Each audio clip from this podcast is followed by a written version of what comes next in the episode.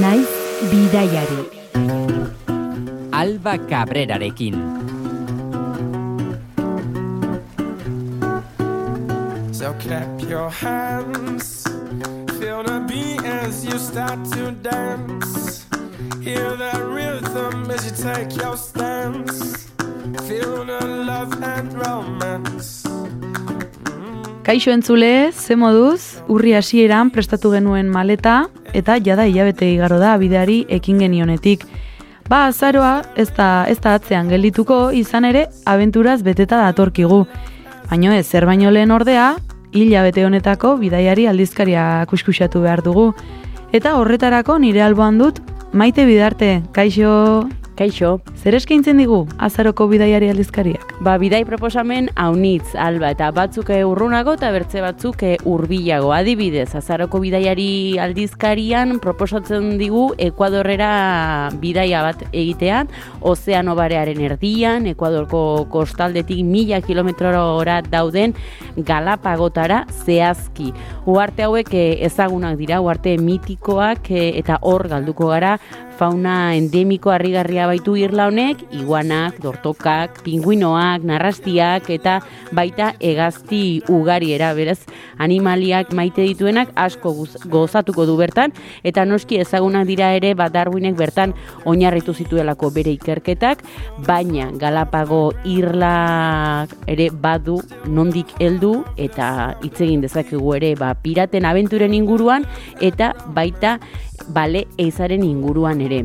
E, ez baduzu gustoko bidai hori, ba, bertze bat ere proposatuko dizugu. Zelanda berriko Fart North ezagutuko dugu ere, Zelanda berriko iparralde urrunean, maorien sinesmen eta naturaren arteko simbiosi bikainak ikuskizun eta bizipen apartak eskaintzen baitizkigu. Bertze proposamen bat ere, gure kasuan e, urbilago, Parisera egingo dugu bidaia, hiriak ezagutzeko bertze modu bat baita, bertako hierriak e, bisitatzea, hiru hilerri nagusi ditu Parisek eta horiek e, ba, bisitatzeko proposamena egiten digute eta bertan etxetik e, ba, hilerri hauek ezagutzeko parada izango dugu eta aukera emango dugu ere ba, garai bateko Paris ezagutzeko. Eta maite, nor dago Parisko lurrazpian? Ba, herritarrak, baina baita jende ospetsu ugari ere, adibidez Nikolai Rusev musikaria, Frederik Chopin musikaria ere bai, Oscar Wilde idazlea, Morrisonen e, musikariaren ilobea ere bertan dago, eta baita bertzelako pensalari batzuk ere, hor daude lurrazpian, atxeden hartzen, e, Sartre eta Simon de Beauvoir bera ere. Beraz, aukera bada, Paris eh, ezagutzeko, bertze modu bat. Eta hemen Euskal Herrian noski ere egingo dugu ba, bertze paratxo bat, Nafarrara joko dugu, eta ziur nago Instagramerrei hauniz gustatuko zaien lekutxo bat deskubrituko dutela azaroko bidaiari aldizkari honetan Nafarroko aezkoa baiaran, ezkutaturik dagoen behatokia da Zamarain, eta bertan badago ba, kanporantz egiten duen aitze bat, berez arriskutsua ez dena, baina argazki ateraz gero badirudi amildegian zaudela. Hor dauka magia harri honek eta horregatik da hain ezaguna. Beraz, ba, ikusi duzu, alba dobeto erranda barkatu entzun duzu, baditugu proposamenak, bai urrunera joateko eta baita etxetik hurbil guztiak aipatu ditudanak eta are gehiago azaroko aldizkarian, bat eta berrogeita mar sentimoren truke eta gogoratu ere arpide egiteko modua badela. Ba, eskerrik asko maite eta urrengo hilabetera arte. Hori da, bidai gehiagorekin etorriko naiz buelta naio. Agur. Naiz bidaiari.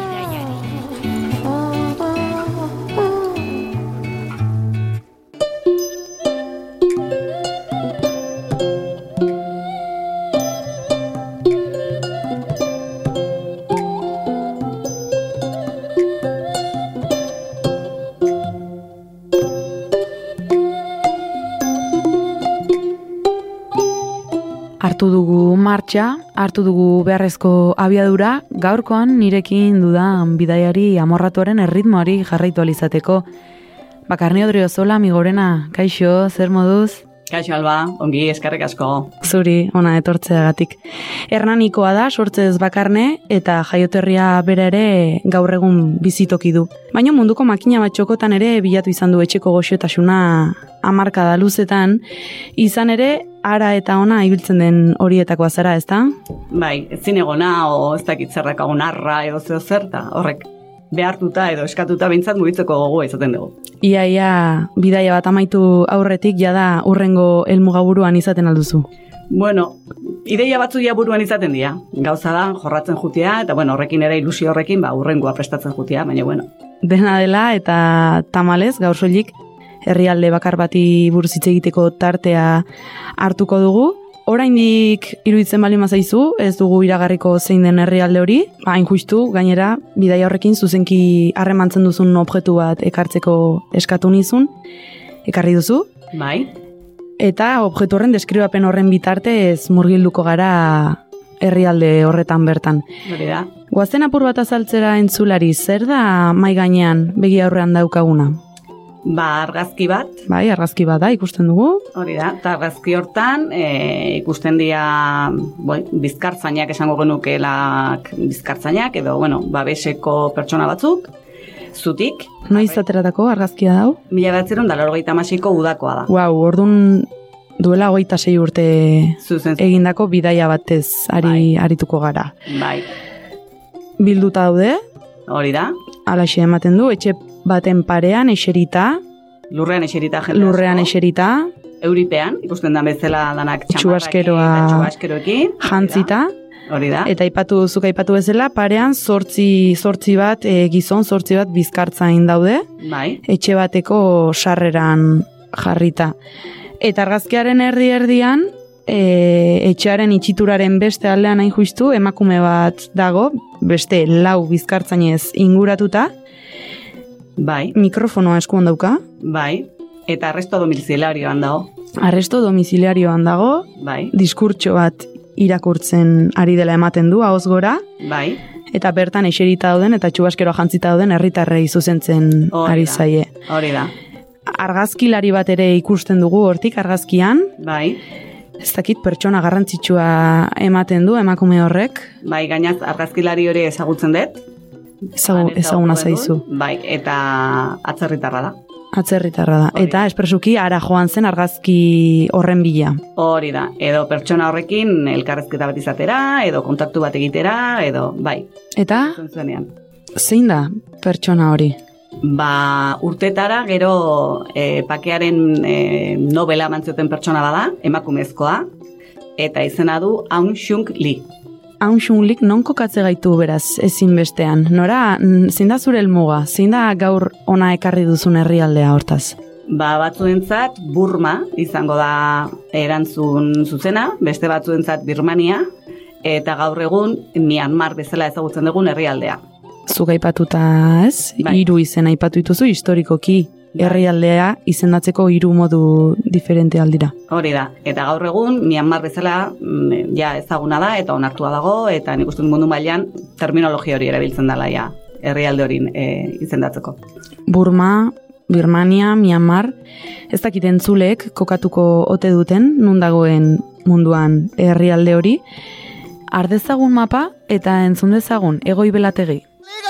င်းရှင်အဖန်ကဘောတော်မြင်းမြူရှင်ဖေးကြီးပါဗျာ Kaixo, hau xe duzue Myanmarreko natpue musika tradizionala.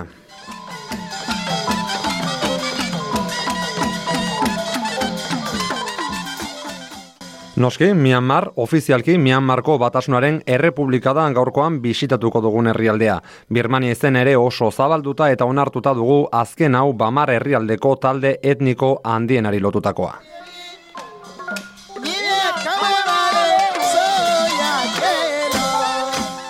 Asiako egoekialdean kokatuta, Bangladesh, Tailandia, Laos eta Txina ditu mugakide eta milaka kilometroko kostaldea Indiako ozeanoan. Erliebe oso menditsua, oianak eta klima subtropikala dira nagusi. Populazioari dagokionez, datu ofizialen arabera, berrogeita iru milioi biztan inguru ditu jangonda iririk populatuena, baina ez gehiago hiriburua gobernu militarrak sortu berri den naipidau irira eraman baitu gobernuaren egoitza bere segurtasuna bermatzeko. Esan bezala, Bamar herria da populatuena kasik biztanleria osoaren euneko irurogeita mar suposatu. Zala ere, esan alakaren herriek gutxiengo handiak dituzte eta gauza bera indiar eta txinatar jatorrikoekin kasuotan Britainiar kolonialismopean heldutakoak. Rajine estatuan luzaz biz izan diren rohingya musulmanak ezin diraztu, hauek baina atzerritartzat jotzen ditu gobernuak eta 2000 eta mazazpitik aurrera haien aurkako erasoak burutu ditu. We should not be surprised if decades of discrimination and double standards in treatment of the Rohingya create openings for radicalization. Nazio batuen erakundearen idazkari orokor Antonio Guterresek berak, militarrek luzaz auspotutako liskarret niko ez ohartaraz izan du. Rohingyek haien aurkako genozidio bat salatu dute. 2000 eta mazazpiaz geroztik, eunka milaka lagunek Bangladesen hartu behar izan dute babesa. Izan ere, Myanmarrek asko du eskaintzeko eta are gehiago eskaintzeko potentziala luke herrialdean bakean garapena eta demokrazia bermatuta egongo balira. Mila bederatziron eta berrogeita sortzian independentzia lortu zuenetik baina militarrek izan dute agintea Myanmarren kasik etengabean. Tarteka sozialistak direla esanez, beste batzuetan nazionalistak estuki kontrolatu du estatu armadak. Hala ere, errepresio bortitzari aurreginez, hogei garren mendeko laro garren amarkadan, protestaldi ugari piztu ziren herrialdean eta oposizioa indartu demokraziaren Liga Nazionalaren inguruan bereziki. Mugimendu hau Aung San Suu Kyi ekintzaileren inguruan gorpuztu zen eta hala jarraitzen du. Mila bederatziron eta laro marrean egindako hauteskundetan demokraziaren Liga Nazionala izan zen garaie, baina armadak etzuen emaitza onartu ordurako etxean atxilotuta zuten Aung San Suu Kyi, mila bederatziron eta laro urtean bakearen Nobel sariduna izango zena. Askatasun tarte labur batzuk gora bera atxilo mantendu zuten 2000 eta margarren urter arte orduan demokraziarako trantsizio bat abiatu zen, lehen hauteskunde partzialetan demokraziaren Liga Nazionala izan zen garaien naiz eta militarrek parlamentuko eserlekuen parte bat haientzako gorde zuten. 2008ko sutxiren alderdiak irabazitako hauteskunde orokorrek eman behar zioten amaiera trantsizio epe horri, baina armadak enegarren aldiz estatu kolpea jo eta agintea bere ganatu zuen. Milioika, mian martarrek berriz nahiko azelesan eta kaleak hartu zituzten.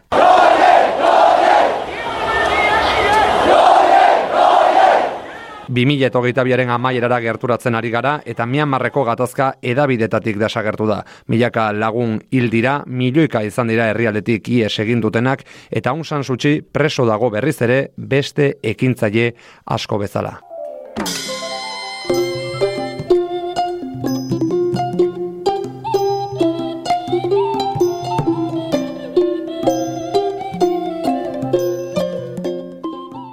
Bidaian denbora nobe esan da atzera eginda, hogeita sei urte hain juistu. Bai. Zergatik aukeratu zenuen helmuga hori bakarne? Ba, ni, met, bai, nik uste e, kaskagorkeri pixka bat izan zala.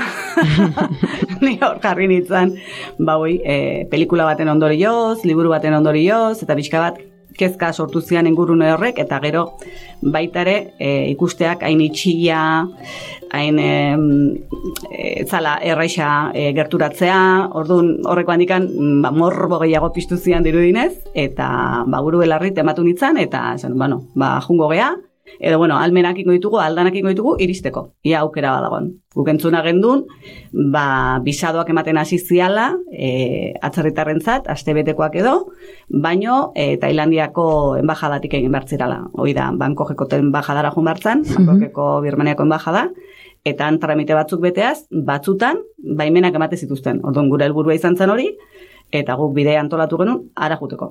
Beraz, ezer gutxi jakinda, abiatu zinaten. Lehenago ezagutzen altzen nuen, Miamar. Lehenago, e, zerbait irakurria nun, zerbait entzunare bai, pelikulan batean edo pixka bat gatazkaren inguruan pixka bat e, ikerketa batzuk egin arauzkan, baino berez, nire kontaktu hola bakarra izan zen, bideiatzeko behintzat, banoak bidai agentziak, ez dakit izenak izan daitezke, baina bueno, boi egite zituzten katalogo berexi batzuk, eta gainatz Euskaldun asko bilida banoakin bideiatzen, eta horren inguruan zegoen katalogo bat ikusiz, eta, bueno, pixka bat erreferentzi bezala hartuz, ba, esan, bueno, pues, horrelako zerbait, edo bentzador katalogoan dauden puntu batzuk ikutzeko aukera bali madako, bai mentze bagaituzte juteko, ba, zerbaitik ez da izan zale burua, eta hortik hasi ginen.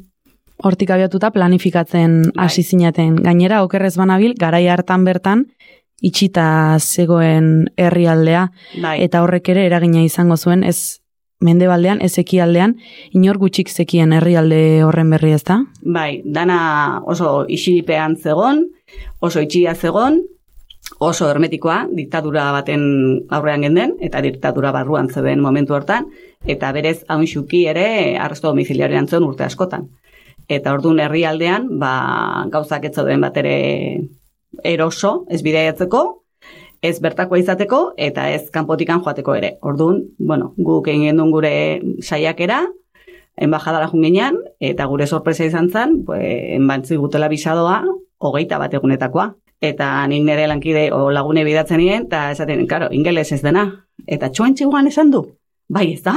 Ba, hogeita bat esan dula, bai, bai, bai, bai, bai, hogeita bat. Moldatzen altzinaten ingresarekin. Ba, ni nintzen. Txapurreoa. Nik egiten dut ingeles ez. Bestia belarria jartzen zuten zen. Gehien bat, eta hori, hogeita bat egunetakoa lortu genuen, gure sorpresarako, eta ordun urrengo egunean ja, e, bidaiatu genuen Birmaniara bertara. Beraz ezineten zuzenean joan Birmaniara, baizik eta Ez, Bangkoketikan Bangoketik salto. Bai. Nola? Abioiez. Abioian. Bai. Abioiez, eta gainaz, e, bertako lehenengo bi gauak, gobernuko agentzi bate jarritako hotel bat berezi batian zeian, bisadoa bertan ematen zutelako, eta hori dana, enbajadak lotuta eman zugun pakete bat bezala.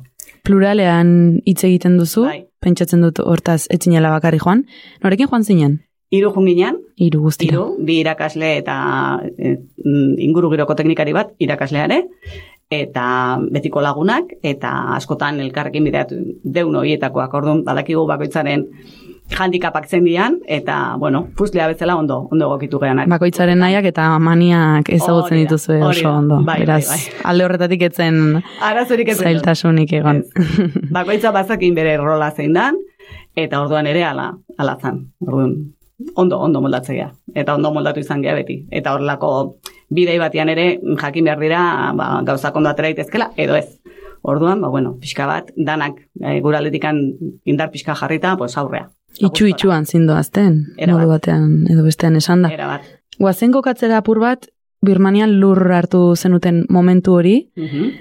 nola oroitzen duzu, zerekin egin zenuten topo, e, aipatu duzu gobernuko kidekin elkartu behar izan zinetela, ez, apur bat, e, bidaia planeatzeko, Bai. Guri guk e, lurratu genunean, e, aeroportua irutu zeun nahi bentsat, ola, ondarribikoa bezala txiki txikia, oso berdea, mm, inguruan baserri girua bezala, edo, ba, ez dakit, oiana balitu bezala, dana oso berdetsua, eta jaso gintuzten kotxe batean, eta eraman gituzten, ba, gure destinoa zen hotel hortara bintzat. Eta zan ikasle residentzi bat balitzako bezalako horrelako zerbait, utxutxik zegon, eta bi gela eman zizkiguten, eta antxo egon ginen. Horrengo goizian, etorri zian gure bila, eta suposatzen zen horiek e, bidai agentzi bat edo zirala pixka bat. Eta beraien helburua zen, gure egunak edo bidaiatzeko genitun egun horiek e, pixka bat antolatzea. Ze garbi zegona zen, gure alderikan ezin genula ibili. Batetikan infrastrukturarik ez zegoelako, eta bestetikan toki asko debekatuak zaudelako turistentzat, edo bueno, herritar askoentzat ere. Orduan, kotxeak izan bertzun txofer berezi batekin, eta txofer hori zen denbora guztian gurekin. Orduan gu horren ginen, pues, tasian bali den bezala xe, e, txoferra zetorren gida batekin. Hori da, gida, txofer eta dana berak egiten zuen. Inguruna da, gu genitun egon horiek eta nahi genitun destino horiek pixka bat kokatu, e, bueno, debekuen arabera, pues, beraiek alde batea bialtzen diguten gintuzten, eta gu beste baltetikan Saiatzen zineten Saiatzen zirrikituak bilatzen. Hori da, pixka bat hori moldatu genuen, eta haren arabera, ba, bida. Ba, pixka bat burua iriki, eta, ala, aurrea, aurrea egin genuen. Eta egia esan oso ondo juntzegun, eta, bueno, asko ikasi genuen. Nahi beste leku ikusi altzen dituzten.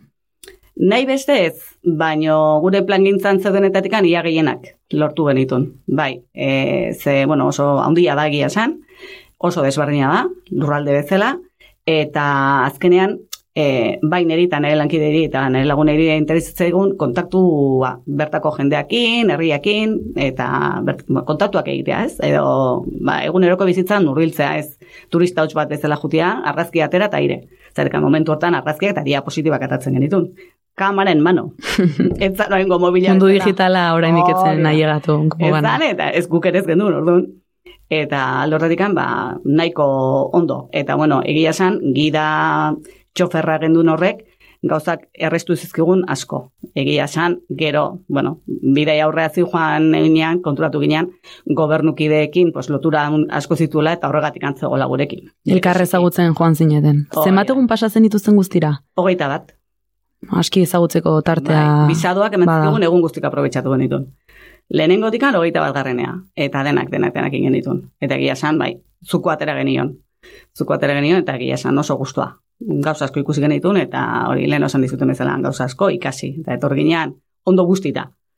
Bai, Irakaspen handiekin. bai, bai, bai. Eta, bueno, gero etorkizunean ere gauza asko mugitu dira horren inguruan, eta ikusitakoak ere gauza asko erakutsi dizkigu, eta, bueno, ha momentuan agian, bizi genitunean ez ginen gai edo ez ginen konturatzen zer nolako ba, beraztasuna zen edo zenako garrantzia zeukan momentu horrek, baino gero etorkizunean edo aurrera goia kanpotik ikusita ikusi ditugun gauzak, esan dira, ostras, ba, garei hortan hor momentu hortan egotiak, oandik ere hileak, eh, oilupurdia jartzezko askotan. Bai, Zer pentsatu eta zer hartu ematen dizu. Hori da, hori da. Oraindik, naiz eta goita sei urte pasa izan, Bai. oraindik ere, ez da? Bai, bai, zer, egoera horiek ere gaur egun bertan daude. Reproduzitzen dira. Hori da. Bai, Diktadurapean zegoen herrialde batekin egin zenuten topo, bai. Nola nabaritzen zenituzten kaleak, herritarrak, ez dakit, eh, regimen horren zantzuak antzematen altzen dituzten. Ba, gehien bat zen militarra. Militar jendea, ejertzitoa kalean unai, gero jendearen beldurra, beldurra edo, bueno, e, ez dakit beldurra ezan, baino, bueno, inorketzun gaia ikutu nahi, eta regimenari inorketzion kontrakoik ez esaten, eta gutxiago, ba, giriak edo atzerritarrekin. Norbait ateratzen bali mazan, oberturatzen bali mazizun kontrakoa esatera, ba ikusten zenun, ja, ba, regimenaren kontrakoa zala, eta pixka bat, beste erabateko hausnarketa batekin, eta ja, beste karga politiko batekin zetorrela jende hori, ez? Baina pertsona horiek, beldurrarekin gerturatzen ziren, e, erdizkutuan, Gehien bat erdizkutuan. Erdizkutuan, ba, giriari ba, agurra matea, eta ongi etorria matea bezala bat beste, eta gero pixkanaka pixkanaka ja, ba, gaia jorratzen hasten zan, ez? Baino, hasiera batean, inorketzizu nola pausua ematen zuzenean e, ez errebindikatzeko, edo ez erreskatzeko, edo zertara. Jakinda, gu ere, ba, gurekin zetorren pertsona hori ere, justu kontrakoa zala, ez? Beste alderdikoa, esango genukena. Ordun, ba, pixka bat hori kontutan izan da, ba, jendea gerturatzen zaigun, ba, hori, ba, gutxiena espero genuen momentutan, edo tokietan. Eta, bai, jarguntzioan o, kontu kontari hasten zaizun, eta gauza jorratzen hasten zian, eta orduan kontuatzen zinean benetan, pues, beste gauza batzuk beisladatzen ari ziala, eta beste aldarrikapen batzukin zetoztila, ez? Eta beste diskurtso bat, ba, e, e, eskaintzen zizutela. Herritar horien bidez ere hortaz ezagutu zenuten Myanmar ere. Bai, bai, bai, erabat, erabat, zatik gauza da instituzionala edo, bueno, turistikoa edo politikamente zuzena zana, eta bestaletikan, ba, benetan gertatzen ari zena, eta guri hori intesitzegu, gehien bat. Bai. Eta injustu pentsatzen dut hori da gaur egun ere oio ipurdia eragiten dizun. Hori da, hori da, bai, bai. Hori izan zan, eta, bueno, garapen guzti hori ikustea, eta noraino iritsi, iristen zan jendea, eta zein involukrazio zauden, eta nola jorratzen zuten e, eguneroko bizitza, osea, gogorra, bai, Herrialdearen hegoaldean kokatzen den irian, bai, jangon edo rangun delakoan lur hartu zenuten, bai, eta garaiko hiriburua zen ezta? bai. Une horretan bertan, zein geldialdi garrantzitsu egin zenituzten, bidaian? Ba, guk egin ditun, e, asko izan zian, templo budistak, e, ba, aurretikan hiriburua izan dako ba, herrialdeak, eta, bueno, aberastasun arkeologikoak izugarria dituztenak, bagan adibidez, eta, gero, hile lakua, eta, bueno, ingen ditu pixka bat, erlojuaren e, urratzaren inguruan, ingen duen hor zirkuito bat, rangunetik hasi eta rangunen bukatu. Eta orduan izan zen oso desberdina, alde batetik edo bestetikan. Eta beti ere kontutan izan da, errepidea jarraitu behartzala eta errepidetikan ezin zen atera. Osea, errepidetikan kanpora ezin zen hanka bat atera, zetikan hori debekatua zeon.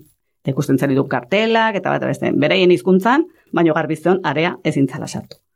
Eta orduan debekatua zeuden toki deixente, baina bueno, guztira nahi genitunak edo ikusi genitun. Eta murgildu ginen bertan. Asko aldatzen alda Myanmar, landa eremutik irigunera. Bai, ba, sorpresa handia izan zen hori, landa inigunean, o ingurugunean zen, egia esan oso oso naturala, oso jende xumea, osea, txabolatan bizitzean jendea, e, oso jende gaztetxu ikusten zen e, ume pila bat, eta, bueno, ume asko gerturatzen zian, negarrez, eta inoiz ez txuri bat ikusi. Bere egin zarginean, bastakit, beste, ze. Beste munduko zerbait. Hori da, betzen zuguten, nola, gainaz, bereiek txiki txiki dian, eko, istuak, eta, eta gune eskamotzak euskaldunak, for, peto-petuak, eratu dela. Bai, eta- Nondik etorri da hau, ez? Hori da, eta gainaz, e, gu esan dizuten bezala irakasleak ginen, eta don beti txorakeri batzukin, edo eskoletara de formación profesional bezala gerturatzen ginen, eta bueno, beti, ba, txorakeri batzuk egin da, dola, ba, un bez inguratute bere ginen bide guztin. Eta egia esan, bai, e, oso goxua, oso harrera goxua jendiak, eta hoi ikutu intenten dituzten, bai, eta hiletik antira, zeren nik hilia gorria dut, Mhm. eta hiletik antiratzen ziaten esan zago, pues benetakoa du, edo, edo istarreta ikutu, eta horrelakoak, bai, baino, hori, izan da oso tokea, taktoa, ez, oso gertukoa. Gertukoak. Bai. Eskolak aipatu dituzu, Mhm. Sartu zineten, Bai, eskoletan, Bai, danak pupitretan eserita, hola, pupitre luze batutan, danak eserita, niska mutilak elkarrekin, oso politia zen, danak uniformez jantzita, hori bai, bai, niskak eta mutilak, danak uniformeakin, irakasleak ere uniformea zekaten, irakasleen uniforme beresi bada, hola, blusa, txuri, krema, kolore bat, eta gona tradizional berde bat, eta gero danak zekaten, arbela. Hoizon, gela guztietan, edo ia denetan. Eta gero, bai, makila, eta klariona, eta horrelakoak kantuan, askotan entzute genitun, eta ba, zuzenean, lehiotik abeirantxe, eta bai, ba, ba oso eskola guretzako tradizionala, pelikuletan ikusten zen eskola modu hori, ez? hori iriguneetan edo landa ere moan. Landa ere muan, baitare, baino txabola gehiago zan. Eta irugunuan, ja, ba, eraikuntza pixka bat eh, formalagoakin, unibertsitatea ere rangunen dago, berezkoa, eta bai, han ikusten zen ja, jendeak ikasketak eta egin bertzitunean irira joten zala. Eta han, ba, estudiante mundua, ikasketa buruak, o ikaske, ikasle mundua ikusten zen baita, e, segun ze fakultatetako atzean, pues, uniforme modu bat daukazu, Mhm. edo beste bat, orduan ikusten zen, ba, erizainak zeintzean, edo meikutara zeintzi joaztein, edo medizinakoak, edo osasungintzakoak, edo, bai, ikusten zean. Lehen ere aipatu duzu, berdegunez josita dagoela Miamar, Bai, lehen sektoreak indar handia altzuen, garai Bai. hartan. bai, bai. E, nik uste gehien bat, e, bakoitzak bere ero mutxu batzula, eta han, ateratzen zutenakin bizitziala, egia esan, ba, baserrin gurukoak, bartoak, e, mangoak, eta horrelako gauzakin. Gero laku batzuk izugarria badaude, eta, bueno, izugarrizko itxasoko, bueno, itxasua ez, baina arraia beraztasuna da izugarria. Eta orduan ere, berak pizti faktoria antzeko batzuk ez sarekin eta ina dauzkate, osea, hori oso landuta zakaten. Eta elikaldura alderikan arroza noski e, oinarrizkoa da, eta arrozalak, e, euri asko egiten dunez, muntzoiatoko zeu gaina guri, ba, han, e, ba, arroza badago. Orduan, esan ere landa inguruan goserik ez eta jendea ondo likatzen zan, e, arrok, azoketa jutea gozada bat zan, hango mila kolore, espezie, usai desberdinekin, bueno, zoragarria zanura. Eta bai, egia esan, espektakulo bat, loreak, landak, eta no, frutak, ba, zoragarria zan, e, ba, ez, ba, museo batea bezala, azokara jutia.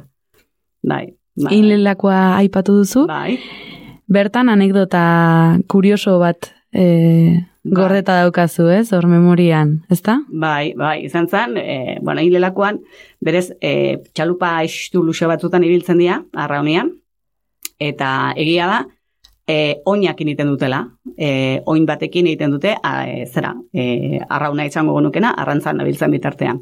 Baina gure sorpresarako behin, gertatzen ba, e, timoiakin eta arraunean zijoan tipo bat, hankamotza zan. Osea, Hankamotza. hankamotza eta arraunean. Osea, izan zen, hola, kuriosua ez, urrengoa ez ui, hemen zer gertatzen da bai, habilidade bat, izugarri Eta nola egiten zuen? Ba, beso batekin hain zera, e, amua eta bat landu, eta bestearekin, hanka zuzen zutela, pues, bi besoekin, batian e, ba, norabidea jarri, eta besteakin, ba, sareak eta dana mugitu, osea, espezialista bat, eta hori dana, hanka baten ekilibrioan, ur gainean, eta txalupa estu, estu, estu batian. Da. Probatu altzen duten zuek. Ba, ez. Urrengo baterako guztekotan Hor, gelditu Horako zineten. txalupa batian, eixerita jutiare, ja, horek altzeko Nahikoa, ez, horek Buah. ariketa. Bai, bai, bai, bai. Baina, bueno, impresionante izan zen, bai, egia esan. Zirkoako modukoa zen, tipo. Zoragarri, bai, bai, bai, artista bat. Arrantzak indar handia zuen garai hortan, behintzat. Bai, Urak, e, ura balio importantea alda, Miamarren. bai, e, ura dagon tokitan beti izaten da, beraztasuna badaola. Eta urak ematen dizu oparotasun hori, bai baratzetarako, edo arrantzarako, edo zertarako, horrek mintzat tripa beteta aukitzeko aukera ematen dizu, salerosketarako zerbait sortzeko mm, ematen du medioa ere, eta egia esan horrek eh, ura balima dago azokak daude, eta azoka balima dago salerosketa dago, eta salerosketa balima dago jendea badabil kalean, eta jendea kalean balima dago bizitza dago, orduan, azkenian ura balima dago egia esan urak bizitza ematen dute egia, guk hor ikusi dugu erabatekoa. Eta errekaren inguruan antolatzen altzituzten herriskak. errekak edo lakuen ingurutan, e, zauden herriskak eta asentamentuak herriska baino gehiago nik uste klan moduan e, Funtzionatzen. dutela, klan familiarrak, han ikusten zen jende heldua, bueno, heldua irutzen zeguna guri, baina kaso gure adineko izango zen momentu hartan. Aurrak, txikiak, helduak, batzuk umeak hartu gainean eta bai, esatzen sortzi, behatzi urteko umeak zituzten bestea gainean hartuta, besteak eskutik hartuta, ume pila bat zebilaren guruan egia esan, bai, gaztedia eta e, orokorrean gizartea oso gaztea zen momentu hartan. Bizi itxaropen luzea aldukate. Ez, zoritxarrez nik esango nuke ez, ez guk ikusi genituna behintzat, hiri inguruan ikusten zen jende helduagoa, bai, baino bestela landa gunetan eta jendea kaskatua ikusten zen bai, baino nik ez dut uste hola oso solduak izango zianik, ez dut uste. Klima monzonikoa dago Bai. miamarren, Bai, nola egiten diote aurre? etxeak eta altura batean egin daude, edo pilarren gainean sortuak daude, edo bueno, ez? Eta beti ere uraken emate baitu, erekitzen dituzte oso berrex.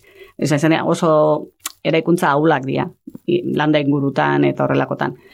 E, gero ja iritan, pues, gautzak e, hobeto egina daude, eta, bueno, estoldak eta pixka bat gehiago ikusten zian. Egia da baita, han euria botatzen dunean ez dala bitxantxo. Botatzen zu zaparrada bat hiru ordu laurdenetan, e, izugarrizko zaparrada, eta horrek ez daka nundikan xurgatu ez. Eta, bueno, putzuak eta sortzen zian, baina, bueno, berrogeita bos gradu, orduan bere legortzen zen, bera, zu, eta dena, eta ez eta sun sensatzio bat izugarria izaten zen denbora guztian. Ba, hori da montzoia daukana, ez? Euri jasa eta epeltasuna. Eta beroa, bizardi bota eta Izardi patxetan. Bai, bai, benetan. Ba, gu hemen solasean ere ez, izerdi patxetan Bai, gaur bai.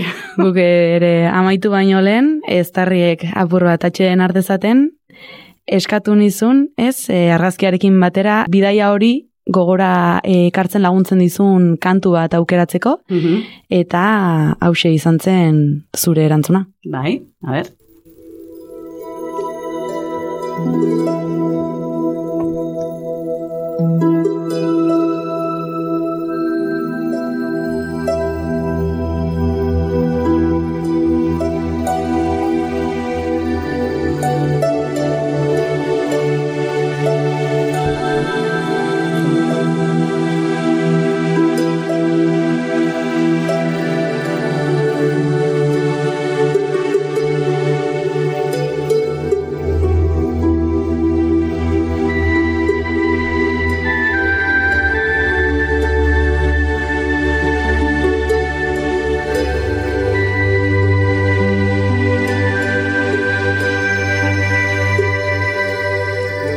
Behar bada horrelako melodiek mendialdeko templo ondietara garamatzate ez? Bai, da musikai tradizionala pixka bat bagan eta inguru horrekin lotzen dana, eta chill out musika horrela atzakoa, baina bai, hango egun sentiak eta arratzaldeak, eguzki gorri hoiek, templuentan, ba, ba, egia da, horrekin lotzen detela. Horrekin lotzen duzu. Bai. Nahiko zen, ez? Musika Bai. nahiko lasaia bai, da. alde horretikan bai, bai, egia da. Etzan oso estrombotikoa. Musika, bai, eta bereiek ere dantzak eta oso fin, movimentu hola oso xuabiak, ez da gure aurreskuan moduko zerre, oso oso xuabia, eta bai, movimentuak ere oso sutilak, eta oso plastikoa irutzen zait. Bizimodua erean, musika honen melodia bezalako xea alda, lasaia, mantxoa edo kaotikoagoa alda.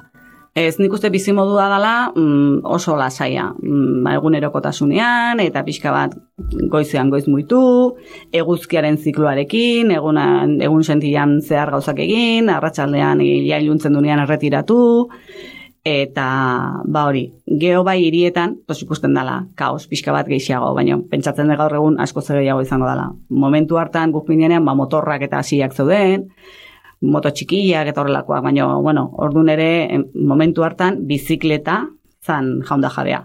Bizikletan ibiltzen zan jende gehiena. Bai, tandenak, bizikletak, rickshowak eta bai, tipo bat bizikleta gidatzen eta bi kartxoan atzetik eta horrelakoak. Probatu altzen dituzten. Bai, bai, bai, bai. Eta gainaz, gehi, gertatu zegoen behin jo gehiagotan, ba, motxilak gu, eta traste guztikin horrelako bizikleta gaten gainean jun beharra. Eta zen, bueno, gizaj honek nola ingo du gu, irurak aurrea eramateko, baina, bueno, giarrak zituzten, bueno, izugarrik, askotan e- lagundu izan genien, eh? Egia da, batutan kontzientziak emate izula nola jungo da gixia joa, pedaleatzen, baina, bueno, parrak egin genituen horrekin, venga, Mikel aurrean jarri eta, bueno, bueno, bai, bai. Zuek ere arrantzaleen pareko oreka mantentzeko ariketa hortan jarri zineten ez da. Nahiko lan da, bai, bai. Bai, bai, egia esan, gainaz grazia egiten ziren bere ere, ogu bizikleta gainean ikusteak, edo, bai. Bai, ez dakit, bere xia zen, gu ginean zirkoko tximinuak ezela momentu hartan. Bai, Eta lasaitasunaz ari ginela, behar bada lasaitasunaren paradisuak mendialdeko templu horiek izango dira, lehen baten bat esan duzu, bisitatu zenutela, bai. Bidetik asko zapaldatzen dituzten. Bai, bai, bai. Eta gainaz, zuk esan dezuna, zapaldu esan dezun hortan, asko eta asko zinean, eskailera pila bat jo, eta gero tenpluan sartzen zineanak. Baina basain guruan, edo ianean, edo zintoketan, eta beti, haunutxik jumarrezu. Hori ere oso berezia zen, oinutxik jarri, eta gero ja, tenplura sartzen zinean. Egia da, ez genula arazoik izan, ez emakumezkoengatik, edo gizonezkoengatik, ba, batzuk, templo batzuk gizonezkoen atzian, edo emakumezkoen atzian. Ba, guk ez genuen inongo arazorik izan, sartzeko, jantzi da den bezala. Osea, gure ez gina jun, ba, ez dakiz ze jertxe luzekin, eta galtza luzek ez dakin nolakoak. Gorputza atalak eh, Bai, bai. altzen dituzten agerian izan. Bai, bai, bai. Alase harrian, edo zintokitan, eta, bueno, kriston harrera onak intzizkiguten, e, gurekin ere, bueno, solasean gustora itzen zian, beti norbait izaten zan, pues, e, ba, ezalpenak emateko, edo norbait eskaintzen zan, obi altzen zuten, etortzen zan, harrera egitea, eta gero, ba, hori, ba, normalian, e, orokorrian izaten zan, asistu bat, aportazioan bat nahi bat zenun, temploaren zat, edo horrelakoren bat egin, ba, zure esku zegoen. Eta egiten bat zenun, ondo, eta ez egiten ere, oso ondo, eta beti bereik eskaintzi zuten edo tia, edo zeo zer, iristen zinean, pues, ura balimazan ere, kontu zibili barra, hori bai, baino beti bat zegoen zerbait, harrera egiteko edo zeini, ba, gu, ba, kanpokotarra ginalako, baino bertako ere bai, temploetara beti ongi etorria da mundu guztia. Jende asko egoten altzen joan etorrian sartu irtenean templutik. Bai, bai. Egia esan, edozen momentutan sartzen zen, eta irtetzen zen jendea. Gero berez monjeak edo monjak zirenak bertan, Oie batzuten errutina bat, goizean goiz ateratzen zian bote batzukin, janari bila bat eta beste, eta gero arrazalean botatzen zianean, janari hori zan, urrengo egunean, danen artean e, banatuko zana, edo, bueno, oturdutarako banatuko zana, eta hoiek egia da bizidiala herriak egiten dituen aportazioetatik. Ba, beraien lortzen duten arroza, edo, bueno, e, templuan bizi direnak, bizidia jendeak egin dituen donazio eta aportazioetatikan. Izan daiteke normalean janaria, arroza, frutuak, eta behintzat e, ba, berez e, energia badago, ura ere badago, eta orduan aportazio ekonomikoak gutxi izaten dira, gehien bat izaten da espezietan, e, janaria normalean. Eta horrekin mantentzen dira bertan daudenak ikasten, edo edo zer dela egiten ari diala. Bai. Ikasten? Bai. Ze herri izateko ikasten? Ba, mm, ba justu budistan mundua egiteko, edo bat zauden e, eskola bertan ematen zutena batzuek, ba, aurtza, ba, aurrak izan zeneanak, e, guraso gabekoak, horrelakoak, bertan bizizianak, baino bai monje izateko ikasketak egiten ari zianak. Bere etorkizunean monje bezala, olama esango genukenakuk ezagutzen dugun hori, horrelako bizimodu bat eramateko. Baina horrek ez zuen esaten, ma, amabi, amala, oma, sei urte dituztenean ateran baldin bazuten, etzan ezer gertatzen libre ziran, eta sartzeko libre ziran bezala, ateratzeko ere bai. Bai, familia askok eramaten zituzten aurrak ara, bazekitelako mantenduko zituztela behintzat, eta otorgu izango zutela, eguneroko bizitzarako toki seguru bat izango zutela. Ba, keso, ba, bueno, egoera familiarrengatik edo dezen gauzak edo ba, ba ez dakik guraso gabe gelitutakoak zialako edo, eta asko eta asko tenplutan bizizian, baina behin beraiek erabakitzen zutenean irtetzea, aldatzen zian eta arazori gabe. Monje izateko eskolekin ere topo egin altzen duten zuek. Bai, Bisitatu altzen duten bat emat. egon ginean e, zentro batian, eta egia esan, jende pila bat zegoen bertan, eta harrera egin zuen e, monjeak, izango zituen hogeita sei bat urte edo, eta matematiketan lizentziatua zen. Eta bea berez indian bizi izana, Eta, bueno, beak, eh, esan zizkigun, pues, ah, ze pauso ematen zituzten, zentzian mailak, nola sailkatu eta zeuden, instalazio guztiak erakutsi zizkigun, eta egia esan, eta bea ere, mm, eskertua, ba, guk interesa sortu genulako, ez? Guk ere interesa genulako ikusteko zer gertatzen zen templo barruan. Beak esatezuna, esken normalean, atzarritarrak ez diatortzen, irutzen zaigolako, pues, toki itxi bat, edo, eta egia da, ba, guk igual mutur pixka da jarri genion, arpegi pixka bota genion, eta sartu ginen, baina, bueno, arazurik ez, oza, berak eh, garden, garden, erakutsi duguten zertzegon, nola, eta oso argi hitz egin ziguten, eta bilotzetik e, petxatzen zuten bota, eta arazorik gabe. Miamarreko herritarrak zeuden soilik edo eta beste herrialde batzuetatik etorritakoak ere baziren. Ez, dana bertakoak. Bertakoak, bai, danak. Bai, bai, bai. Bai, momentu hortan, dana bertakoak. Gaur egun ez dakit e, nola izango dan gauza, baina printzipioz gu izan ginean bertakoak zianenak. Bai. Eta budismoa indarrandiz praktikatzen den herrialdea izanik, Miamar, erlijioaren pixua nabari alda, bertako, ez, herrialdeko arkitekturan. Bai, bai, bai. E, bai, egia esan, templo asko daude, eraikuntzak ere oso bereziak dira, e, etxeetan bakoitzak ere beten plotxua edo aldaretsua edo badauka, eta guri gertatu zegoen gainera, rangunen, e, topatu genuen, bueno, topatu genuen, egun berdinean, egon ginean, templo batian, eta templo hortan zeon Richard Gere. Hollywoodeko aktorea, Eta zer egiten zuen Richard Gerrek bertan? Dirudinez, e, bea oso budista da. Eta- diote, ez? Bai, bai, beak ere inditu bere ikerketak, eta beak bere bide espirituala egina dauka. Eta dirudinez, pues, garai hortan, ez dakit zape grabatzen nahiko zan edo, diru, ba, oi, egun hortan, tokatu zegoen gu bisitatu genuen templo bat, eta hiru minutu lehenago, beran ibilia zan. Bai. Ez zineten bakarrak hortaz lepoa luzatzen. bai, bai, bai, eta tokia egia esan, e, temploa zoragarria da, eh? Baina rangunekoa, eta bai, hori zentzuko, ah, Richard Gere, Richard Gere, ez? Eta, ah, la, la, la, eta bai, bai, bai, bai, ze, bez, xaltxa zeon mintzat, ah, mundu guztiak korrika, eta gero jakin genuen zergatik handi zen. Mhm. Eta etzela zuen gatik alegia. Hori da. ez zineten hain garrantzitsuak Ez gu bakarrak ez. Templuak aipatu dituzu, ez dakit kaleetan eta ere nabaitzen, nabaritzen altzen. En, budismoa edo... Bai, bai, bai. E, dozintokitan ikuste dituzu, monjeak beren tunika txuri hori naranja marroiekin, bakoitza bere bere mailakin eta bere poteak hartuta edo burruntzaliak edo kos, mm, kazuak hartuta, bai, e, dendaz zein da, etxe etxe, bereien pasioak ematen, binaka, irunaka, oso jende gaztea, jende heldua, beste, beste batzuk e, txikiak e, gaztetxoa dianak, mm, ba, igual adin desberdinak daukal lau edo boskuten di elkarrekin, eta bai, bai, hoi gainaz, respetuzkoa zan, eta edo zentokitatik pasatzen zenean, jendeak e, agurra egiten zien, eta bai, bai, oso, oso ikuspekoa da. Eta gu, adibidez, e, sentada ontara, edo, bueno, junginean, haunxunkiren mitino hau entzutera, bueno, budistak pila bat zeuden, osea, monjeak, gure onduan, inguratuta genen, danak hor erdi makurtuta jarrita, euripean, eta asko eta asko, ba, monje budistak zian.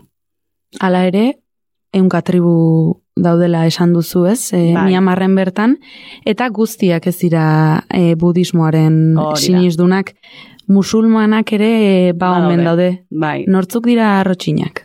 Ba, rotxina dira, e, berez e, etnia desberdin asko daude, inguru hortan, batzuk Tailandiatik amuitzen dianak, beste batzuk Txinaldetik amuitzen dianak, edo Indonesiatik amuitzen dianak, eta tartean dira rotxinatarrak. Izango genuke, ba, bereintzat, komila tartean jarriko bagenu ijituak bezala izango liake. Eta ez daude oso ondo ikusiak ere. Pues herrialde bezala, iskin, baztertuagoak bezala esango genuke.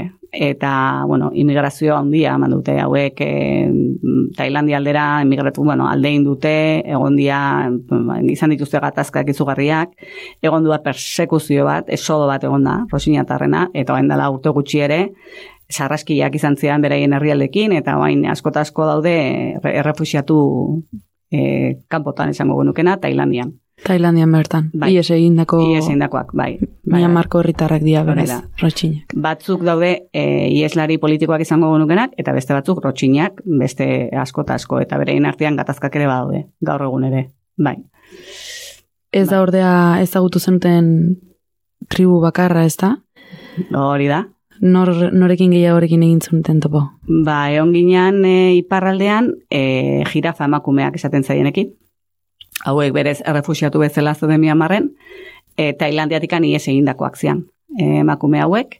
eta guk ezagutu genitun sei emakume, baina bueno, berez zortzi hamar bat zeuden eta egoera oso oso latzean eta gogorrean. Bai, e, hauek e, ba, ies egin zuten lan zuten bezala, bor e, persekuzio sexualak eta bat beste zituztelako, ba, eta hankai merrezen zuten, eta bueno, ba, bintzat e, frontera fisiko hori pasa zuten, eta antxe zeuden e, aldea txiki batian, herrialde txiki txiki batian, errefusiatu bezala.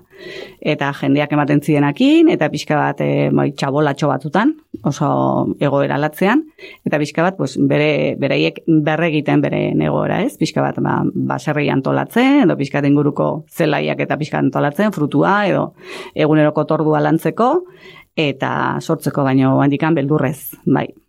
bai. Entzunak dira, ez? E, jirafa emakumeak edo padaun emakume jirafak. Hori da berez, e, hauek ez, igual ikusiko zen dituzten, erraztunak edo arete batzu dituzte besotan, artikulaziotan belaunetatik bera edo lepoan. Hauek eh, lehenengo erraztuna jartzen diete mm, dirudinez, sortzi, sei sortzi urte bitarteko neskak diranean. Emakumezko edi, kasualidadez bakarri jartzen zizkie. Eta gero, urtiak pasala, e, eransten juten dira e, arotxoak edo eraztunak. Eta gauza da, e, beraiek gehien bat e, artikulazioak lepoan sufritzen duten gehien bat, zatik hain luzapen horrek ez dala naturala baizik eta forzatu dan luzapen hori mm, noizbait e, eraztun bat edokentze bali badiozu, horrek ja e, eragina zuzena du zure gorputzean eta ba hori, e, bai, gertatu daiteke lesio medular berezi handi bat eta edo bertan bertan gelitzen zeala, ba hori, lesio bat daukazulako eta hil ere bai, jende asko hiltzen da horrelako egora batean, erraztunak entza badizkiote. Eta berez, sufrimentu handia da, erraztun berri bat jatzen diotenean ere. Egia, bueno, pues gaztetxoa zenean supatzatzen da flexibilidade gehiago dezula zurretan, baina, bueno, pues guk ezagutu genitunak helduenak berroi urte izango zitun. Eta egia san, itxura bazun, ma gaur egungo emakume heldu, heldu, heldu, zar batena. eta esatezun, bueno, pues, e, auskalo zen urtetan irango duten. Eta hauek ere fisiko kietza den momentu hortan oso ondo, e, gaxo zoden, egia esan ikusten zaien e, tristura bat, bueno, izugarria, eta bueno, pentsatzen dut, hoi bereien motxilita izango zala bestera batekoa, ez? Baina, bai, latza izan zen e, goera hori ikustea, bai. Eta gainera tamalez, ez, eraztun horiek berek sortzen duten ikusmira turistikoa da behaien diru bai. iturria, ez da? Bai, bai, bai, bai, oizian atrakzio bat esango genukena bezala berez, eta Tailandian gehiago saltzen dut atrakzio hori. Eh? Erakusleio batean, nengo balira bezala. Hori da, tximinua balia bezala, xe? Eta haueki egin zuten, pues, beste eraso batzuk eta zituztelako, baina, bueno, beraiek hortaz bizizian momentu hontan, beraien iturria, edo biziturria, edo, bueno, e, xoxak edo gunerokoa, hortikan lortzen zuten, tegia esan, ez zauden e, irian bertan, baizik eta nahiko urrun, eh or, isolatuta bas, bai basaren guru batean andartetik ba bestuak bezala baina bueno beraiek ere mm, hango inguruko jendeak bali matzakin atzarretarrak edo nonbait bereziki norbait jungo zala pues aurkezte zituzten emakume hauek ba pixka bat laguntza izan zezateten edo bueno bueno es atraktibo turistiko bezala, baizik eta laguntza, laguntza modu bat eskaintzen. Ba, besaluzatzen zieten. Hori da, bai, bai. Eta, bueno, gogora, gogorra izan zen. Bai. Nola komunikatzen zineten, bertakoekin, bai, e, padaun emakumeekin, e, rotxinekin. Bai, hombre, izkuntza, mm, horrek guk ez rutxina, ez mm, tailandesa, ez berein izkuntza, ez ez errazkenean, hor da, begira da, ikutua, sensazioa da, eta azkenean egia da, begiak asko hitz egiten dutela. Mingaina baino gehiago. Eta guk ingelesez, boz, dakiguna, guk azkenean bereiekin ere euskaretzete genuen. Zekan bereien hizkuntzan dago gurean, hizkuntzak ez gintun elkartzen, baino begiradak malkoak ikuitze horrek eta azkenian hori dana emozionalki somatzen da. Eta egia esan, pues, onduan egonda irripar batekin, ba ikusten zenun, ba hori ez, e, bat zegoela feeling berezi hori, eta ba hori lasaitasun bat, ba gendan, dana gendela eroso, zan edete horrelakoak feelingak zean gehien bat, hizkuntza zoritxarrez gendun, komunikatzeko baina, hizkuntza hitza bintzat, baino esatizut begiradak asko zaten dute. Eta eskua usteak asko zaten du eta ikutzeak asko zaten du ere ordun ba pixka bat horrela. Horrela izan zen duten bai. beren egoeraren berri. Bai sensazioak hoiek eta bueno pues malkoak asko zaten dute gero baten batek ere esplikatzen dizu bestera batea zer gertatu daiteken edo ze egoeratan dauden handik kanpo, baina bai, ikustearekin bakarrik ikusten zanua etzala divertimentu bat. Bai, Txoferrak ere laguntzen alzizun Bai. zuen. bai, zertikan mm, zorionez, bea bertakoa zan, eta bere hizkuntzak eta menderatzen zituen, bueno, igual dialekto guztiak ez, baina, bueno, e, bereiekin komunikatzeko, inguruakin komunikatzeko, ba, izan zan, pff, guretzako zoragarri. E, guk galderak egiten dizkion- genizkion berari, eta behar, gertzen zu batetik bestetik, eta informazio pasatzen zugun. Eta izan zan, osea, oso komunikazio gertukoa, berari esker, bestela gauz asko galduko genituen, informazio asko hor geldituko zen. Intuitiboki igual zerbait harrapatuko genuke, baina azkenean informazio asko galdu ingo genuke. Airean geldituko Hori da, eta berari esker, ba, egia esan, tipo oso jatorra familia eta ezagutu genitun, eta Bai, bai, hogeita bat egunek askorako ematen dute ez, ha? bai, bai, bai, bai. Eta anekdota bezala kontatuko dizut, berari, berari esan zioten espainola ginala, noski, pasaporteak espainola genitulako. Aha. Claro. Eta berak zertzekin espainoi buruz, pues Julio Iglesias ezagutuko zuen. Wow. CD bat ez, e, tape, e, zinta bat, Bai. zinta, kotxeko zinta bat lortu zuen ez dakit nundi grabazio batekin. Pentsatzen Julio Iglesias buelta A, buelta B, buelta A, buelta B. Hiru alau egunetan, hasi Miamar Julio Iglesiasen laguntzarekin Eta zeharkatu zenuten. Beste den jartze bali badu nik salto ingo da lirotikan bera. Osea, ella esan gero, beda, eske, ja konfiantza pixka ingen. Hartu zenutenen. Claro, beida, Julio es espainola da, baina gu ez. Bakizu, hemen, karo, e, pasaportea gauza bat esaten du, baina gu beste gauza bat geha, tal, tal. Bueno, pixkanaka, pixkanaka hor jarri eta ja, irugarren egunetik laurrean ikusten jatzula berriz jarri, baina tortura izan genuen hiru egunetan. Horroroso, bai, bai, tipo oso, egia esan oso jator, oso ondo portatu zan, eta beak ere gozatu zuen gu, gurekin. Bai, nik uste dut baietz. Bai. Behin itzulia eginda, Mhm. hasierako abia puntuan amaitu zenuten, ez? Zirkular moduko egin zenuten eta jangonen amaitu Bai, eta itzordu berezia izan zenuten. Egun Bai. azken egun horietan, ezta? bai, gure ikerketen arabera, gubakenekin, egun jakin batzutan, haun xuklik, haun xuri, atatzen zala bere etxeko arresira, ba batzutan diskurtson batera matea, edo bueno, agurren bat egitea, edo bueno, behin azaltzen zala, ez? Azalpenak egiten zitula. Eta orduan ikertu genuen nola ala, ian egunen bat izan ziteken gu handikan gebiltzanak, edo, eta bagenekin e, Ameriketako eta Japoneko embajada zegon kale hortan bizizala, bueno, pixka badatu batzu bagenitun, Eta bueno, galdezka galdezka batzuk berehala esaten ziguten ez ez, beak ez egiteala hortaz ezer, eta ez galdetzeko, eta bat eta beste. Baina bueno, gu gure ikerketak egin ditun, eta azkenean lortu genuen, ba, gutxi gora berako elbide bat, eta ordutegi jakin bat gutxi gora bera, eta noliz izango zen. Eta bueno, guertiratu ginean ara, beste lagun batzukin, han bidaian egin ditun, egin ditun beste lagun batzukin, eta bueno, gu ere ara iritsi ginean, eta batean ikusi genuen jendia elkartzen zijoala, elkartzen zijoala, elkartzen zijoala, danak hor eh, makurtuta jartzen ziala, freedom, freedom, freedom, freedom, freedom, eta bueno, hile guztik, vamos, hilo purria bezala, eta tentsio bat, baino e, zeat, egoera bat, ambiente bat, e, antzegon, bueno, energi bat, ikaragarria. Eta, bueno, emakumea batera zanean, ez dakizen badenbora pasako zantzaigen egon ginean, euri jasarizun, goiti bera, Baina jendea hor. Bai, bai, danakan geldi, Esperoan. eta benga, eta benga, eta benga, eta momentu guztietan freedom gora, freedom bera, eta bapatian e, ateratzean aurreneko bai, bizkartzainak genitu noiek, e, arresi kanpoan, eta gero, ba, emakume hau eskailera batzukin, ba, bere etxeko arresian. Eta, bueno, Horko da argazkia, lehen aipatu da, duguna? Aixi honi dena. Eta izan zen, oran, ba, emakumetxo bat, txiki txikia, estu estua, bere traje tradizionalarekin, loretxo bat belarri onduan, eta hasi izan izketan, eta bir, birmaniarrez, noski, eta guk ezen ututik ulertzen, baino hangen den atzerritar guztin malkotan den. Antzeon energiarekin, eta emakume horrek transmititzen zunarekin bakarrik.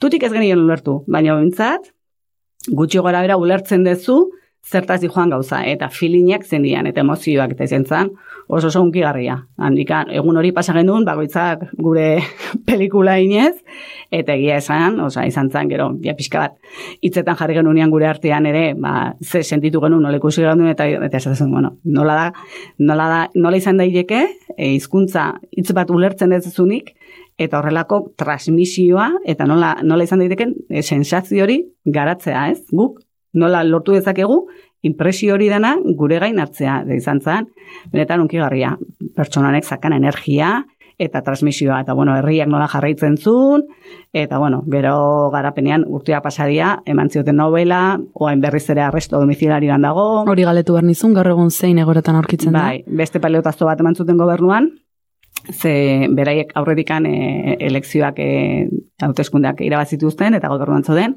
beste pelotazo bat eman zioten, eta berriz e, arrestoan dago. Eta beak e, seme alabak Inglaterran dazka, resuma batuetan, e, Oxforden uste bizi diala, eta bera largun gelitu zen, e, arresto domiciliarioan zen bitartean. Ez du aukerarik izan, bueno, eman zioten aukera, erresumetara juteko, baina bazekin iria uste bali maezun edo birmania uste dazun, ez jotela bueltatzen utziko, orduan beak esan zuen, ez zala bueltatuko. Etxean gelditzen zela Hori da, hori da. Eta, hori, eta horrek hor jarraitzen du, bere burrukaki. Baina hor jarraitzen du burrukan. Bai, bai, bai, hor jarraitzen du. Eta, bueno, e, gu aspalian e, kontaktuan gaude beste lagun batzuk Japonen bizi lagun batzukin eta horre, eta pixka bat, gure lotura da, ba, biamarreko bidai hau. Topaketa hori, Bai, edo, klandestinoa izan zen. Hori da, hori. eta hortik ezagutzen dugu elkar. Orduan, e, beraiek bai jarraitzen dutela pixka bat gehiago egoera, baina momentu hontan oso latza dala baitare. Bai. Denborak aurrera egin arren Bai. gauzak aldatu ez diran Ez, seinale. Hori da, eta zuzendu berrian okertu. Okertu indiala, eta, bueno, e, hemen da, osea, korrupzioa izugarria, eta, bai, eta sufritzen ari dala deixente. Beti herriak sufritzen du. Hogeita sei urte igarota ere, Mhm. xeetasun handiz kontatzen dituzu bertan bizitakoak. Nola gorde hori guztiak memorian? Ba, nik uste argazkiak ditu dela. Argazkiak eta sensazioak, eta usaiak. Adibidez, nei gauza horiek ez zaizkit inoiz aztuko. Eta, ba, noizik eta behin albuna irikitzen dezunean, edo, Argazki kamera ere lagun. Hori da, hori da. Eta azkenean, pues, horrelako gauzekin, ba, nik uste ditutela memorian sartuta lau edo bost puntu, titi, titi, eta horren arabera nire historia antolatu eta laburuan, ez? Eta oso gertukoa egiten zait. Eta oso gertukoa eta oso oraingoa. Osea, izan zen oso unkigarria, oso berezia, oso burrukatua, bidei hori, baino nik uste eh, tekin handia tegen inola. Ase beteta itzuli zinede. Bai, bai, pertsonalki batez ere. Batez ere hori. Eta gero ni hasian desiente ibili naiz, baina nik uste e, Miamarrekoa izan zala, ez, ez zan hasierako hasiako bidei bat izan, baina horrek e, e, izan dula aurreko bat, eta ondorenak ere izan ditula. Eta gaur egun ere baditu nere bizitzan.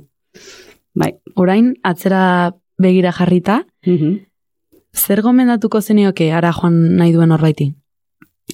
nik esango nioke, gaur egun june bali badu, ba aurrez, mm, aurrez territot bateko ideiari gabe juteko, e, Asia oso desberdina dela, alde guztitatikan. Pentsatzen dut gaur egun jungo banitzere, bagian susto batzuk hartuko nituzkela, ez egoera nola dagon, eta garapena zen izan dan, eta igual nik daukat erromantiko imagen hori ez, zen izan zen, landa inguru bat dana, pentsatzen dut hori garatu izango dela baita, baino nik esango nuke ba, ikastera juteko. Ikastera eta ikustera, eta jasotzera. Osea, gu ez gera danalakigunak, gu ez gera e, munduan inorri ezer erakustera, bakoitzak bere goera daka, eta oso gertukoa eta natural juteko. Eta jendea oso irekia dala, eta osea, gozatuko dutela erabat. Eta usaiak, zaporeak, eta dana bizitzeko. Hori izango niek, eh? Eta txamponaren bestaldean, zer etzen nioke gomendatuko? Ba, ez dakit zer ez nioken gomendatuko. bueno, agian udan jutia. Bai. I, agian udan jutia eta bari, e, hizkuntza pixka bat hori bain garrantzitsua da lau edo bostitz jakinda joatia, edo bueno, pixka bat beraiek ikusi dezaten badezula, ez? E, etzala imperialista bat, baizik eta bezula zuk ere jakimi pixka bat eta zu gerturatze bali mazea beraiei egun hon esan ez bere hizkuntzan eskerrik asko eta arratsaldeon, pues beraiek ere esko Eskertuko hori dutela, eskertzen dutela. hori. Bai, eta hori, eta ikusteko gogoak juteko. Eta jakiminez, hori da. Eta zentzuz jokatzeko, naturalki. Hori da, besterik gabe. Oso ondo, ba, amaitu zaigu denbora bakarne. Mila esker gaurkoan gurean izateagatik eta laro gehieta amargarren amarkadako miamar erakusteagatik. Bai. Itzuli beharko duzu, beste noizbait ara, eta gaur egungo miamar ezagutu. Ba, bai. Hortxe ere izango dituzu, kontuak eta kantuak. bai, ere bai, egia da. Bai. Eta, bueno, ba, bitartean zain du. Ba, eskerrik asko, plazarra izan da, eta zorte hon. Naiz bidaiari. So clap your hands. Still the moment as you shake and prance. Feel that love. Eta zu ere ondo izan zaite ezentzule. Jarraituko dugu datorren astean beste bidaiari batekin ariari tiraka. Bien bitartean jakin saio podcast plataformetan duzula eskuragarri. Eta ba, zure bidaia kontatu nahi balin baduzu, idatzi mezu bat bidaiari abildua naizirratia.eu selbidera. Zaindu, ondo segi!